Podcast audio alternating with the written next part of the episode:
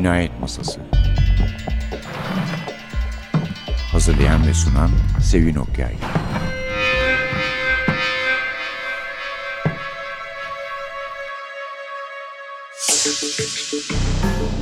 Merhaba. NTV Radyo'nun Cinayet Masası programına hoş geldiniz. Efendim konuklu program haftaya kaldı. Bu hafta size çok sevdiğimiz bir yazarın gerçekten kaliteli bir kitabını Joe Nesbo'nun Nemesis'ini takdim ediyoruz. Ayrıca o da Nesbo değil Nesbe. Çünkü sık sorulan sorular başlığı altında yazara yönetilmiş sorulardan ilki bu. Bir o değil aslında soyadındaki üstünden bir bir tür çapraz işareti geçen bir o bizde olmayan bir harf. Onu sormuşlar çünkü İngilizce'de yok böyle bir harf. Hadi bizde olmayan İngilizce'de olmayan bir harf var adınızın son harfi. Nasıl okunuyor acaba demişler. O da demiş ki Alman ö'sü gibi ki Türk ö'sü gibi oluyor doğal olarak. Hani demiş sonra e, Peter Sellers bomb yerine bomb der Pink Panther'de onun gibi demiş aynı okunuyor. Dolayısıyla Joe Nesbø'nün kitabı daha benim galiba okuduğum beşinci kitabı sanıyorum. İki tane Türkçe'ye çevrilmişti. Demek iki tane de İngilizce okumuşum. Zaten bunu da önce İngilizce olarak okumuştum. Sonra Türkçesi de çıkınca çok sevindik. Böyle bir sapık merakı içinde girip dışarıdan getirtip burada kitap evlerinden toparlayıp sevdiğimiz yazarların yeni polisiyelerini okuyoruz. Sonra Türkçe'ye çıkınca çok kullanışlı oluyor. Çünkü kitabı zaten okumuş oluyorsun. Zaman kazandırıyor. Bu da öyle ama Türkçesini de okudum. İyi bir çevirisi var. Büyük bir rahatlıkla okuyacaksınız. Dost Körpe'nin çevirisi çok tecrübeli bir çevirmenin. İntikam arındırır alt başlığını koymuşlar. Nemesis intikam tanrıçası biliyorsunuz. Aslında can düşmanı da denebilirdi belki ama Nemesis de dile iyi gelen, akılda kalan bir kelime. Dolayısıyla gayet iyi olmuş diye düşünüyorum. Doğan kitaptan çıktı. Bir Henry Hall macerası. Dördüncü kitabı. Henry Hall'u bilmiyorum. Daha önce tanıma fırsatınız oldu mu? Şu anda polisiyenin en sağlam dedektiflerinden biri. Sağlam derken Nesbö'nün eksiksiz bir karakter yarattığını söylemek istiyorum. Gerçi tabii bazı şeyleri bir klişe duygusu uyandırabiliyor insanda. Alkolik, sigara tiryakisi aynı zamanda ama özel olarak alkolik diyorum. Çünkü alkolik olması mesleki hayatını da zorlaştırabiliyor. Zaten birilerini sevmediği zaman pek saklayamayan da bir eleman. Dolayısıyla haydi başı belaya girmiş. Çok iyi bir dedektif olduğu için aynı zamanda amiri tarafından destekleniyor. Bu sayede kovulmaktan kurtulmuş. Bunlar tabii e, insana aşina gelebilir. Ne bileyim Matthew Scudder'ı hatırlayın. Ama Harry ile onun arasında hayli büyük farklar var.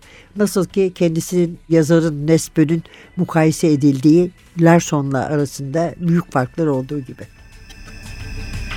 Bring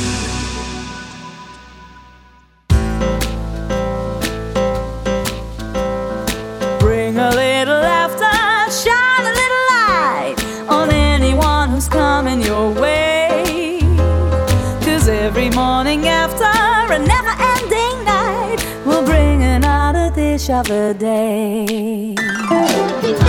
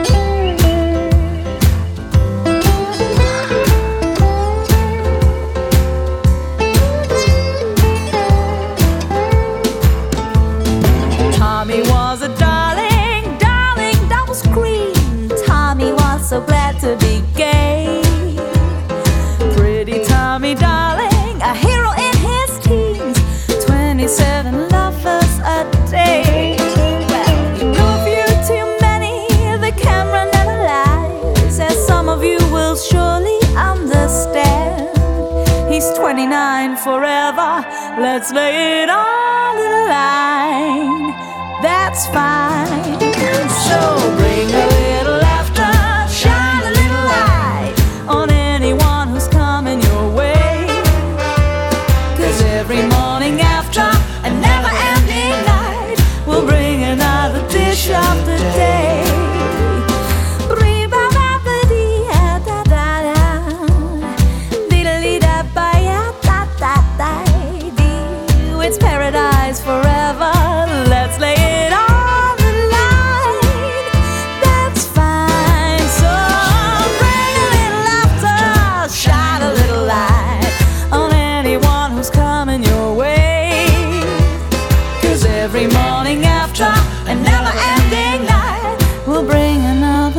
other day. Bring a little laughter, shine a little light.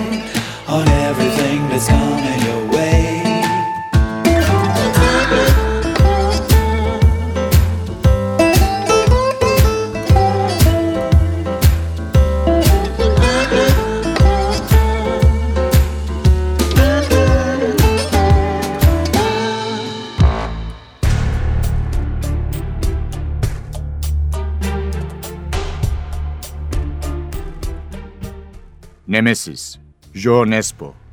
Harry, yaşlı adamı astronota benzetti. Komik, kısa adımlar, katı hareketler, siyah, donuk gözler ve parke zeminde sürünen ayakkabılar. Adam yerle temasını yitirmekten, havalanıp uzaya doğru süzülmekten korkuyordu belki de. Harry, çıkış kapısının tepesinde beyaz duvarda asılı saate baktı. Pencerenin ardında Bogsteidwein'deki cuma kalabalığında insanlar çabuk çabuk geçip gidiyordu. Alçalmış Ekim güneşi iş çıkışı saatinde uzaklaşan bir arabanın yan aynasından yansıyordu. Harry yaşlı adama odaklandı. Şapka ve acilen yıkanması gereken zarif gri pardüsü. Altında tüy ceket, kravat ve jilet gibi ütülenmiş eski gri bir pantolon. Topuklarına kadar her yeri cilalanmış ayakkabılar. Mayoştuğunda sürüsüne bereket emeklilerden biri. Tahmin değildi bu. Harry August Schultz'un savaş sırasında Auschwitz'te geçirdiği dönem sayılmazsa hayatı boyunca Mayoştağ'ında yaşamış, 81 yaşında emekli bir giyim perakendicisi olduğunu biliyordu. Adamın dizlerindeki katılığın sebebi ise her gün kızını ziyarete gidip gelirken geçtiği Rick üst geçidinden düşmüş olmasıydı. Kollarını 90 derece açıyla öne uzatması, adamın büsbütün mekanik bir oyuncak gibi görülmesine yol açıyordu. Sağ kolunda kahverengi bir baston asılıydı. Sol elinde ise iki numaralı veznedeki kısa saçlı genç adama uzattığı hesap cüzdanı vardı. Harry, vezne görevlisinin yüzünü göremese de onun yaşlı adama sempatiyle sinir karışımı bir ifadeyle baktığını biliyordu. Saat artık 15.17 idi ve nihayet August Schultz'un sırası gelmişti. Bir numaralı veznede oturan Steingret, az önce çekini bozdurmuş olan mavi yün şapkalı delikanlıya vereceği 730 kronu sayıyordu. Banknotları bankoya birer birer koydukça sol yüzük parmağındaki elmas ışıldıyordu. Harry, üç numaralı veznenin önünü göremese de orada bir kadının önündeki puseti salladığını biliyordu. Kadın bunu oyalanmak için yapıyordu herhalde. Çünkü pusetteki çocuk uyuyordu. Kadın Bayan Brain'den hizmet almak için bekliyordu. Bayan Brain ise telefonla konuştuğu bir adama bir hesaptan para çekebilmesi için hesap sahibinin yazılı izninin gerektiğini yüksek sesle anlatıyordu.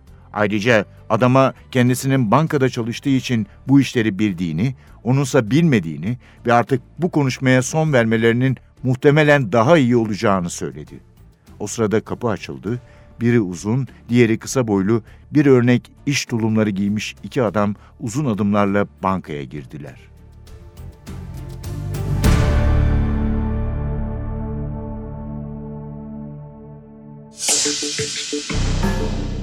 Nemesis kitabımız Doğan Kitap'tan çıktı. Dost Körpe Türkçe'ye çevirdi. İngilizce adı da Nemesis, Norveççe adı Sorgenfri. Hemen kitabı açar açmaz Oslo şehir merkezinin bir haritasını görüyoruz. Aslında sadece orada da geçmiyor. Brezilya'ya uzanıyor, Mısır'a uzanıyor. Bayağı dünyayı kaplayan bir faaliyet diyelim söz konusu. Harry Hall bu kitabın başında karşımızda yok. Yani ilk bölümde Nesbö bizi fevkalade şaşırtıcı bir soygunla karşılıyor. Bir banka soygunu. Balaklava takmış bir soyguncu var. Yüzü görünmeyen, ağzı bile doğru düz görülmüyor. Ve e, zaten e, sesinden tanınmamak için bir banka memuresi var rehin aldığı. Onun kulağına talimatlarını fısıldıyor. Ve ATM'deki paranın kendisine verilmesini istiyor 25 saniyede. Ama parayı veren şahıs 6 saniye gecikiyor. O da parayı aldığı halde kadını öldürüyor. Eliyle altı işareti yapıyor. 6 saniye geç verdiniz anlamına. Öldürmeden önce de yine kadının kulağına bir şey söylüyor. Ve gidiyor. Harry baştan işe ikinci derecede dahil. Çünkü banka soygunları masasına gidiyor. Onların ilgilenmesi isteniyor. Harry ise ağır suçlar masasında. Ama ekibin içinde, ekibe dahil gene de başında da June Iverson var. Iverson teşkilatta Harry'nin dayanamadığı iki kişiden bir tanesi. Öteki de bilmiyorum daha önceki Şeytan Yıldızı ve Kızıl Gerdan'ı okudunuz mu? Orada tanımıştık. Tom Waller'di. Gene teşkilatın en iyi dedektiflerinden biri. David Hasselhoff gülüşlü. Güneş yanığı yüzdü. Boylu postu bir dedektif. Diğer dayanamadığı şahıs da o. Bu kitapta ikisi de var. Yani Harry sevmediği iki insanla birlikte çalışmak zorunda. Iverson'un hırsına, sahtekarlığına ve sürüngen gülüşüne dayanamıyor. Yani gülüşler belli ki Nesbe'yi hayli etkiliyor insanlarda.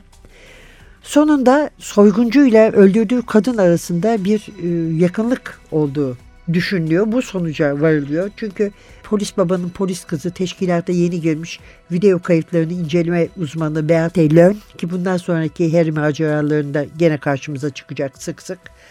Böyle bir yakınlık olduğunu düşünüyor. Dolayısıyla ikisini ayırıyorlar. Harry ve Beate soyguncunun peşinde koşuyor. Ötekiler de gene genel olarak soruşturmayı sürdürüyorlar. Bu arada Harry'nin birlikte olduğu, sevdiği Raquel, oğlu Igor'la Rusya'ya gitmiş. Çünkü Igor'un Rus olan babası çocuğun e, vesayetini istemiş. Harry ise eski bir sevgilisinin davetine hiç istemediği halde icabet etmiş Anna'nın. Anna'ya gidiyor ve ertesi sabah evinde uyanıyor. 12 saat sonra 12 saati hiç hatırlamıyor. Orada ne yaptığını hatırlamıyor. İşin fena tarafı Anna ertesi gün ölmüş olarak bulunuyor. İntihar olduğu düşünülüyor ama Harry öyle olmadığını anlıyor çünkü tabanca sağ elinde oysa Anna solak. Sorry, woman, I know. Took for my best friend. Some joker got lucky. Stole her back again.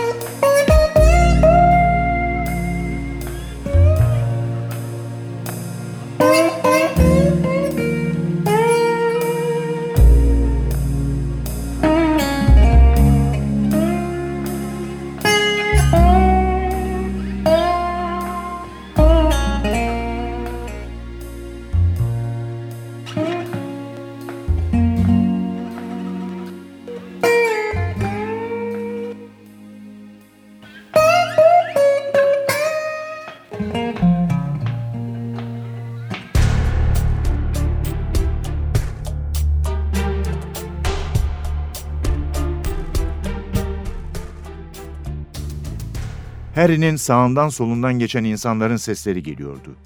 Ben dedektif Waller. Birisi bana çabucak özet geçebilir mi? 45 dakika önce geldik. Kadını elektrikçi bulmuş. Ne zaman? 5'te. Hemen polisi aramış. Adı bakayım Rene Jensen. Ulusal sigorta numarasıyla adresi burada. Güzel. Sabıka kaydını kontrol edin. Tamam. Rene Jensen. Benim. Gelir misin? Adım Waller. İçeriye nasıl girdin? Diğer polise söylediğim gibi bu yedek anahtarlı. Bu bayan salı günü dükkanıma uğrayıp bırakmıştı. Geldiğimde evde olmayacağını söyledi. İşte olacağı için miymiş? Hiç bilmiyorum.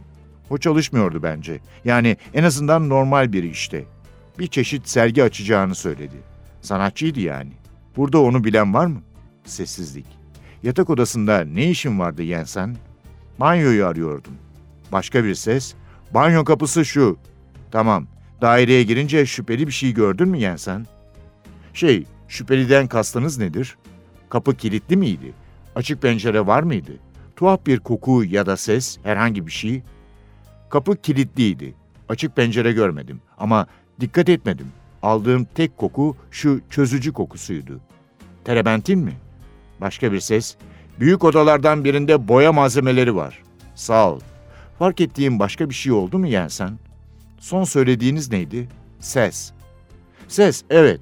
Hayır, pek ses yoktu. İçerisi mezar gibi sessizdi. Yani öyle demek istemedim. Sorun değil yani sen. Müteveffa ile önceden tanışıyor muydun? Onu ilk kez dükkanıma geldiğinde gördüm. Gayet neşeli görünüyordu. Ne yapmanı istedi? Banyonun zemin ısıtmasının termostatını tamir etmemi. Bize bir iyilik yapıp kablolarda gerçekten sorun olup olmadığına bakabilir misin? Hatta yerin altına kablo döşeli mi onu da kontrol et.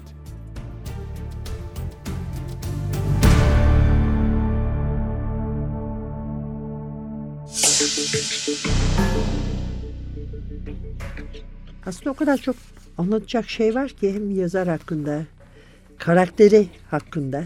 Kitap için bence bu kadarı yeter. Gerçekten bir solukta okunacak kitap her ne kadar 500 küsür sayfa olsa da. Dolayısıyla tadını daha fazla kaçırmamak yerinde olur diye düşünüyorum. Harry Hole maceralarını dediğim gibi iki tanesi Türkçe'ye çevrilmiş durumda. Onlardan başlayarak izleyebilirsiniz arzu ederseniz ve hakikaten tavsiye ederim çünkü Larson'la mukayese ediliyor. Benzemiyorlar o kadar birbirlerine ama bizim en sevdiğimiz polisiye yazarlarından mesela Michael Connelly'nin de dediği gibi şu anda mevcut en iyi polisiye yazarlarından birisi Joe Nesbø. Aynı zamanda benim bildiğim 5-6 yıl öncesine kadar müzisyenliği de sürdürüyordu. Tanınmış bir grubun solisti ve gitaristi sanıyorum. Çok hoş anıları vardır. Onlar ne yazık ki vaktimiz yetmez. O anıların içinde işte bu şey de var. Nasıl ilk önce kitapları bir namı müstearla yazıyormuş. Takma adla yazıyormuş. Ki hani bir rock yıldızının saçma sapan kitabı diye basmasınlar. Eğer basılmaya değerse bassınlar diye. Ama sonra işte bir şeyler olmuş gitmiş demişler ki yayın evine ya sen niye takma isimle yazıyorsun? O da demiş ki yani tanınıyorum adım biliniyor onun için. Adın ne demişler yani nasıl biliniyor? E John Espio demiş işte. Böyle bakmışlar. Demiş ki müzisyenim demiş yani. yani rockçı. Ne grubun adını söylemiş sonra. Grubun adını söyleyince diyor iki kişi tamam tanıyorum dedi diyor. Bir kişi de bir şarkı mırıldandı ama o şarkı da başka grubun şarkısıydı diyor. Belki de diyor fazla boşu boşuna endişelenmişim diye düşündüm kendi kendime demiş. Bu kitaptan gene bir tek şey daha söyleyeceğim. Üstünde durmayacağım demiştim ama dayanamıyorum. Çünkü burada Beate Learn dışında çok beğendiğim bir karakter var. Yani insanın tak diye gözünün önüne gelen bir karakter. Bu da bir efsanevi bir banka soyguncusu. Vexol Bakset. İçeride asla yakalanamamış. En sonunda kendisi gitmiş teslim olmuş polise. Hapse atmışlar. Ama bu kitapta öne ve ortaya çıkıyor. Çünkü öldürülen ya da intihar eden Anna'nın amcası, tek akrabası hayatta. Ve Henry'nin de ona çok ihtiyacı var. Başka yönlerden yardım etmesi için. Hem banka soygunları açısından hem Anna açısından hatta daha başka konularda var. At kuyruklu, zeki, acımasız bir satranç ustası Raksol. Hatta onu ben yani film olursa oynayacak aktör bile düşünmüştüm kendi kafamda. Evet, gerçi bir kitabından film yapıldı. Snowman, The Snowman. Lesbio'nun esas olarak dizinin daha iyi olacağını düşünüyorum. Şimdi sıra Harry Hall'da. Kısa bir aradan sonra da Harry'i anlatalım.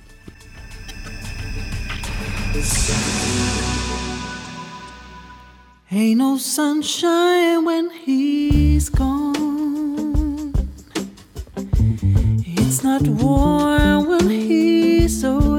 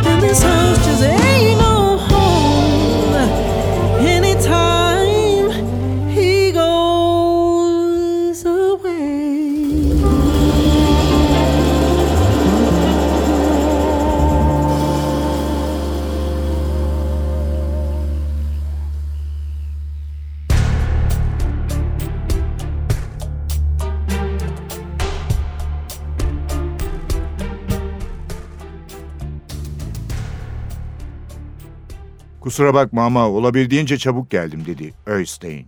Elmer'in meyve ve tütün dükkanının önüne park edilmiş taksisini harekete geçirirken. Hoş geldin diyen Harry, sağdan gelen otobüsün şoförünün Östein'in durmaya niyetli olmadığını anlayıp anlamadığını merak etti. Slamdal'a gidiyoruz değil mi? Östein, otobüsün öfkeyle çalınan kornasını duymazdan geldi. Bir örnek kate. Demin yol vermen gerekiyordu, biliyorsun değil mi? Vermemeye karar verdim. Harry arkadaşına baktı. Östein'in kısık gözleri kanlıydı. Yorgun musun? Jet lag. Burayla Mısır'ın arasındaki zaman farkı bir saat Östein. En az. Albu'nun evine çıkan yılan kavi yolda hızla giderlerken koltuk amortisörleri ve yayları artık iş görmediğinden Harry bütün sarsıntıları hissediyordu. Ama şu an en az ilgilendiği şeydi bu. Östein'in cep telefonunu ödünç alıp International Oteli'ni aradı ve 316 numaralı odaya bağlandı. Telefonu Oleg açtı. Harry kendisine nerede olduğunu soran Oleg'in sesindeki mutluluğu algıladı. Arabadayım. Annen nerede? Dışarıda. Duruşması yarın sanıyordum. Bütün avukatlar Kuzneski Most'a toplanıyorlar dedi çocuk. Yetişkin gibi konuşarak. Annem bir saat içinde döner. Dinle Oleg. Annene bir mesaj iletebilir misin? O otelden ayrılıp başka otele geçmeniz gerekiyor. Hemen. Neden? Çünkü çünkü ben öyle istiyorum. Sen ona söyle yeter. Tamam mı? Tekrar arayacağım. Tamam. Aferin sana. Şimdi kapatmalıyım. Sen ne? Hiç. Tamam. Söylediğim şeyi annene söylemeyi unutma. Östein frene basıp arabayı yol kenarına park etti. Burada bekle diyen Harry dışarı fırladı. 20 dakika içinde dönmezsem emniyet müdürlüğünü sana verdiğim numarayı ara. Onlara de ki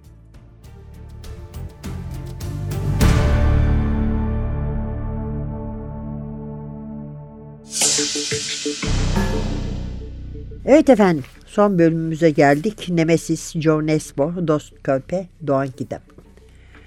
Harry Hall tabii Harry Hall karakterimiz. Sadece klişe özelliklerden ibaret değil. Benimsediğiniz bir karakter. İyi polislerimizden biri. Samih ırkından annesi kanserden ölmüş o 20'li yaşlardayken babası Olav'la öğretmen babası hiçbir zaman yakın bir ilişkisi olmamış.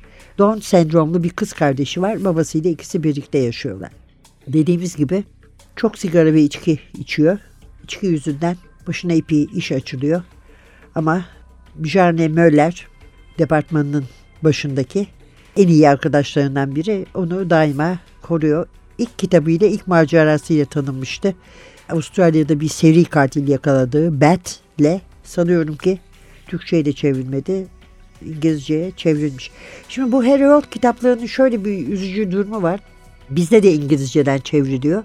İngilizceye de sırasız çevrilmiş. Yani daha sonraki kitaplar daha önce çevrilmiş. Dolayısıyla okuyan herkes bu kitaplardan sırasız okumuş oluyor. O kadar da önemli değil aslında. Çünkü kendi içlerinde başlayıp biten kitaplar. Harry'nin de özel hayatında o kadar da fazla bir değişiklik olduğunu sanmıyorum bu sıralarda. Oslo'da oturuyor. Bislett, Sophie's Gate'de.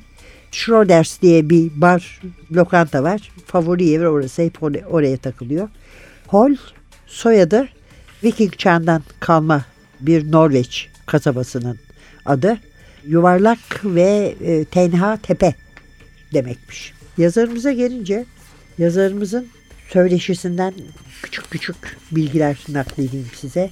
En sevdiği yazarlar Jim Thompson, Vladimir Nabokov, Nu Thompson, Henrik Ibsen, Ernest Hemingway, Charles Bukowski ve Frank Miller. En sevdiği kitaplar Lolita, Nabokov, The Killer Inside Me, Thompson, Pan, Hamsun, Heman Ray, Charles Bukowski. En sevdiği filmleri sormuşlar. Starship Troopers demiş. Vallahi şaka etmiyorum diye de eklemiş. The Conversation, Rules of Attraction, The Usual Suspects ve Godfather, Deer Hunter, Taxi Driver. Futbol macerası da var. Futbolda oynamış. Takımı Molde. Onun dışında Tottenham ve daima Brezilya demiş. En sevdiğim müzisyen Miles Davis ama Elvis Costello, Tom Waits, Bruce Springsteen, Neil Young ve Bob Dylan da var listede. Birazcık dağları tepelere tırmanmayı seviyor. Her tür top oyununu ve film izlemeyi. çok benziyor musunuz Harry ile diye sormuş. Diyor ki zamanında hiç benzemediğimizi düşünüyordum. Ama şimdi biraz benzediğimiz görüşündeyim. İkimiz de romantiyiz, ikimiz de melankoliyiz. İkimizde de bir kaos ve disiplin karışımı söz konusu. Evet efendim, Harry Hole, yazarı John Nespe ve dördüncü macerası Nemesis, İntikam Arındır alt başlığıyla çıkmış. İle karşımıza geldi. Doğan Kitap, çevirmen Dost Körpe, iyi bir çeviri. Evet, önümüzdeki hafta bir konukla birlikte karşınızda olmayı umuyoruz. O vakte kadar soğuktan kendinizi koruyun. Yani şimdi çok soğuk değil biliyorum ama kitapta inanın bayağı soğuk. Tedbirli davranmakta fayda var. O vakte kadar mikrofonda Sevin, masada Hasan. Hepinize sıcak, mutlu, neşeli günler diler. Hoşçakalın. Cinayet